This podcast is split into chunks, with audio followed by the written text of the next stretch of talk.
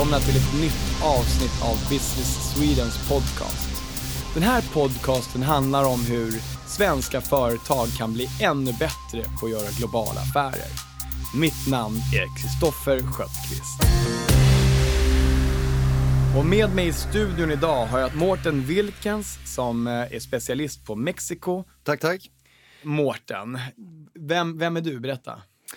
Ja, eh, Mårten Wilkens heter jag. Jag kommer från en eh, mycket internationell uppväxt med föräldrar som har jobbat för, eh, för FN och UD utomlands. Eh, så jag har alltid haft ett intresse för att fortsätta den, eh, kan man väl säga, typen av karriär och eh, ta mig ut i världen men eh, gärna genom att representera Sverige på något sätt. Och det har jag lyckats med en fantastiskt rolig karriär eller ett, ett väldigt roligt jobb inom Business Sweden. Um, genom tiderna så har jag levt mycket i Latinamerika, ungefär uh, 10-12 år totalt i några fyra olika länder. Och um, därmed funnit uh, det perfekta jobbet kan man väl säga i Mexiko för, uh, för Business Sweden. Och, och, nu bor du i Mexiko? Jag bor i Mexiko sedan två och ett halvt år, snart tre år. Och um, vi representerar även marknaderna kring Centralamerika och Karibien. Så det är ett spännande jobb och eh, som jag alltid säger så hoppas man ju såklart komma ut och få lite, lite intressanta uppdrag runt om Mexiko också. Eh, hur ser man på det lokalt? Hur är det regionalt, lokalt i Mexiko? Ja, alltså det, det är väl eh, allt, allt har sin egen kontext och olika länder och olika marknader växer eh, olika snabbt och eh, i Asien och i, i Mellanöstern finns det särskilda fall som, som går extremt fort. Eh, Mexiko har ju lite mer av en, av en stabil track record kan man säga. Um, men däremot så, så är det vad, vad vi kallar det, det ekonomiska eh, loket för Latinamerika just nu. Vi släppte en rapport förra året som, som jag eh, var med och satte ihop där vi kallar just Mexiko the, the Latin Economic lo Locomotive. Och eh, det, tanken där är att Brasilien har haft eh, lite mer svårt kan man säga senare, på, på senare år. Medan Mexiko har haft en stabilt växande ekonomi. Vi behöver inte prata exakta procentsatser. Men eh, det är en oerhört dynamisk arbetsmarknad. Det är låg, eh, det är låg eh, eller väldigt, väldigt hög eh, sysselsättning och, ehm, och många indus intressanta industrier. Eh, framförallt så har det varit en, en exploderande eh, Eh, tillväxt kring eh, the automotive industry, alltså bilindustrin, bil, eh, lastbilar och bussar. Där Mexiko nu är, är sjunde största producenten av bilar i världen och tror jag tredje eller fjärde i termer av export. Vi har sett på bara de åren jag har varit där eh, massa företag komma in och etablera sig eller växa till eh, från länder i Asien såsom liksom Kia, Nissan, Toyota men också Europa eh, där till exempel Audi och BMW håller på och bygger nya fabriker nu. Ja, men man får ju någon känsla av att ehm, Mexiko har varit ett land där många företag i USA har använt för produktion. Mm. Men nu är det alltså mer en global marknad som investerar i, i anläggningar där, eller? Mm, precis. Um, vi har haft lite otur kan man säga med inkom, inkomsten av en ny president i USA som inte är lika villig att samarbeta med Mexiko. Men det eh, ser väldigt positivt också, eh, eller trots det ser det väldigt positivt ut i NAFTA-förhandlingarna nu. Ehm, så att även om vissa amerikanska investerare inte har haft lika stor fokus på Mexiko under det senaste året eller två så ser vi en enorm tillväxt och ett gap som fylls eh, från andra marknader såsom Kina och Europa. Och för, ehm, för svenska företag specifikt är det, är det också väldigt intressant. Både Scania och Volvo har produktion i, eh, i Mexiko och har varit med där i, i eh, flera decennier. Eh, och i och med att det är ett land som har 125 miljoner invånare som behöver förflytta sig från punkt A till punkt B så är det också en ypperlig marknad för just sådana företag som jobbar inom transportsektorn. Jag är så grymt nyfiken på de kulturella skillnaderna och hur det är att göra affärer och vad man bör tänka på. Ja, eh, jag, jag, hade själv en liten anekdot här som jag tänkte ta upp idag och som, eh, som jag också har blivit spårat av er att, att komma med lite, lite roligare in, eh, inslag här. Eh, och det, det utgår ifrån Ericsson som såklart är en av våra äldsta och största företag runt världen. Eh, de är lika så väletablerade i Mexiko, bedriver ungefär eller underhåller två tredjedelar av hela Latinamerikas eh, telekomnätverk och fyller nu 115 år i Mexiko. Eh, till och med varit där sen sena 1800-talet med andra ord. Um, och en, en, en liten anekdot där som jag tycker är kul att, att, att, berätta för folk det är att man i Latinamerika, eller rättare sagt spansktalande Latinamerika alltid svarar i telefonen genom att säga hola, det vill säga hej, eller buen dia som betyder god dag. Men enbart i Mexiko har man den nyansen att folk svarar genom att säga bueno, som alltså betyder bra. Eh, som, som de flesta andra spansktalande länder eh, tycker är förbryllande. Och anledningen att det är så i Mexiko är för att när Ericsson installerade telekomnäten där på 1890-talet så gick deras ingenjörer runt och testade linorna överallt i landet och fick alltså svara bueno eller malo, det vill säga bra eller illa. Eh, som, eh, som alltså är en, en, eh, nu integrerad del av kulturen i det här landet. Och eh, för att dra det ett steg längre så under mexikanska revolutionen kom, eh, kom Eriksson så, bra, så pass bra överens med revolutionärerna och i det här fallet Pancho Villa som är en, eh, en, en känd karaktär. Så att eh, de gick runt och målade de tre blå strecken från Ericsson på alla telekomstolpar runt om i landet. Så att när de eh, fortskred under sin revolution och brände allt i marken så såg de till att inte bränna ner Ericsson-stolparna. Ja, hur är det där? Mm. För jag tänkte prata om det svenska in i det. Mm. Hur är det att uh, vara svensk och göra affärer i Mexiko? Mm. Vet de vilka Sverige är? Är det någonting man bör lyfta fram eller spelar det ingen roll? Har man någon fördel av det? Nej, vi har absolut en fördel där. Och um, något som jag tror är ganska genomgående globalt, som också gäller för Mexiko, det är att vi anses vara pålitliga, vi har god kvalitet, vi, har, eh, vi sätter högt värde på just värderingar och CSR. Allt från hållbarhet till eh, könsjämlikhet och eh, att behandla arbetare och, eh, och eh, samhället omkring företaget på ett värdigt sätt. Och det är något som Business Sweden verkligen drar, drar nytta av och eh, överför värde till våra kunder i de projekt vi samarbetar på. Just genom att vi får den uppmärksamheten och, eh, och, och goda viljan kan man väl säga från motparter. Eh, Värderar, inom, eh, mm.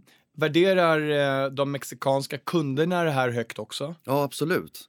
Och eh, det, det, det hör man ofta. Liksom. Det, det, på något sätt har man hoppat några steg in på eh, en, en, förhandling med en kund när man är ett svenskt företag och framförallt om man kommer med backning från svenska ambassaden eller Business Sweden och andra institutioner eh, så som även EKN och SEK i, i finansieringsfallen. Och det är något som verkligen gynnar oss och som vi ser vi kan bidra med till, till eh, både små och stora företag som kommer vara intresserade av att, av att förflytta sig till en annan marknad. När jag landar på flygplatsen i New Mexico eller Guadalajara och ska ut och göra affärer där, hur, eh, vad bör jag tänka på för någonting, Mårten? Ja, alltså det, för det första så är det extremt uh, olika eh, ja, temperatur och klimat och väder i, i olika delar av Mexiko. Det är eh, verkligen ett enormt stort land. Jag får med att eh, vi pratar cirka 2 miljoner kvadratmeter, så ungefär 4-5 gånger större än Sverige till ytan sett. I Mexico City så är man uppe på 2200 meters höjd och eh, där är väldigt eh, gemytligt arbetsklimat. Det är ungefär mellan 20 och 28 grader varje dag Ehm, mitt på dagen. Under vintern så kanske det droppar ner mot, mot nollan på, på natten så att där ska man istället tänka på att ha med sig varma kläder snarare eh, under, under vintermånaderna. Och sen i andra städer som Guadalajara och andra som, som rör sig ner mot havsnivå så är det, så är det varmt året runt. Och eh, det kan vara lite smått jobbigt därför att folk är ändå väldigt formella i Mexiko. Så att det gäller att ha kostym och slips på i, eh, i stort sett alla arbetssammanhang. Framförallt möten med kunder eller människor som du inte känner och ännu mer som du är på, på en politisk nivå.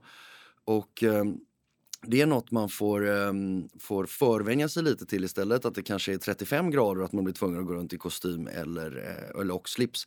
Sen så, finns så man tränar en, sig på att sitta i bastun med kostym innan man åker dit eller? Ja men precis, det kan vara värt att, att ta på dig kostymen i Åre om du, om du ska ner till Mexiko sen därefter. Men eh, det finns en, ett undantag och det, det kallas eh, guayabera. Och det är en typ av eh, formell skjorta från södra Yucatanhalvön som har blivit en kutym från allt eh, som gäller businessmöten till bröllop. Och enda undantaget till kostym där man då får gå i en slags skjorta som man inte behöver stoppa in och som inte har slips till. Hur, hur ser den ut? Beskriv den.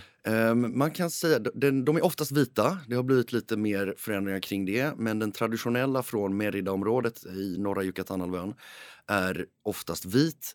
Eh, oftast långärmad. Det kan vara linne för att eh, ja, också vara, vara, lite skönare i värmen. Och sen så har det ofta broderingar och små hål igenom så att den andas, andas väl och eh, väldigt fint ornamented kan man väl säga. Har, har du en sån själv Mårten? Absolut, absolut. Det, det, måste man nästan ha. Men eh, som sagt om man ska vara med på bröllop och sånt på stranden så kan det bli rätt tungt för en svensk att gå runt i slips och, och kostym. Visste du att Mexiko gav världen varm choklad? Denna underbara dryck var aztekernas hemliga vätska och härrör alltså från över tusen år tillbaka. Att världens minsta hund har namngetts efter Mexikos största delstat, Chihuahua, större än UK till ytan att Mexiko producerar mer än 20 miljoner ton tacos per år och i genomsnitt käkar landsmännen 297 kilo var per år. Det finns såklart en internationell tacodag också, nämligen den 31 mars att i Mexiko finns det speciella papperskorgar avsedda för hundavföring. När du slänger hundbajs får du en stunds gratis wifi. Ju mer bajs, desto mer wifi. Hunduppfödare lär ju inte ha problem med internet i alla fall. Jag tänkte prata om kulturkrockar. Alltså det måste ju hända hur mycket kulturkrockar som helst. Vad, vad ska vi tänka på, vi svenska bolag som dundrar in där? Ja, alltså i, i, det, i det stora hela får jag nog säga att det är väldigt avslappnat och att det är eh, ganska likt vår västerländska kultur där. Det har ju alltid varit eh, starkt, eh, starkt inflytande från USA och, ehm, och eh, väldigt annorlunda eh, till exempel då muslimska länder som Iran. Men ehm, det, det viktigaste att påpeka är kanske att man får ta det lite lugnt här. Svenskar liksom, vi, vi är alltid stressade, man ska alltid gå fort.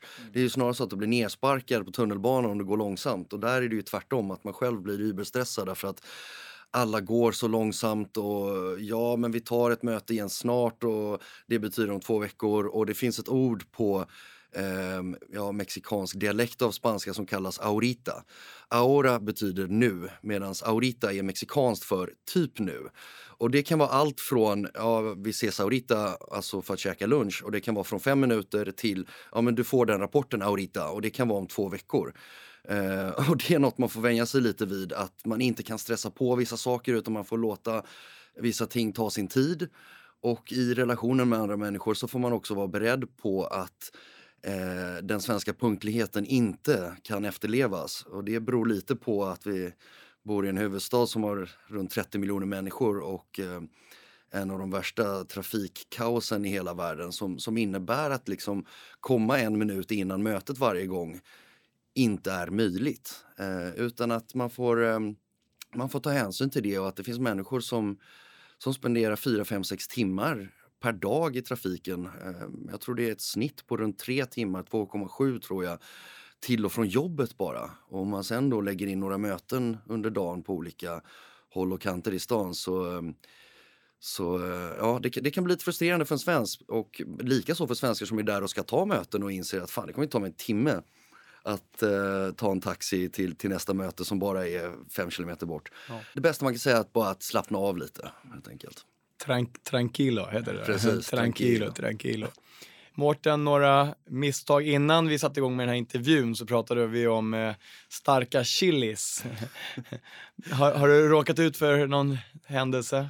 Ja, alltså som tur är så är jag själv eh, ganska invand eh, i, eh, i chilikulturen. Jag gillar stark mat. Jag äter nog mer chili än vad min flickvän gör för att vara ärlig. Men man har ju råkat, råkat på fall med kunder som varit på besök där det inte har varit lika eh, goda utfall.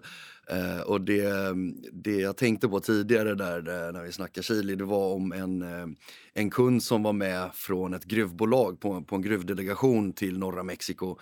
Där eh, vi skulle ha en avslutningsmiddag och efter att åsnan hade ridit runt med mescal och alla hade fått sig några, några att dricka så sätter vi oss vid bordet. Jag sitter längst ut på ena kanten och eh, pratar lugnt med min kompis under det som är tilltugget, liksom förrätten. Och sen eh, plötsligt så vänder vi oss om och ser hur en kund ramlar baklänges ner på marken från stolen.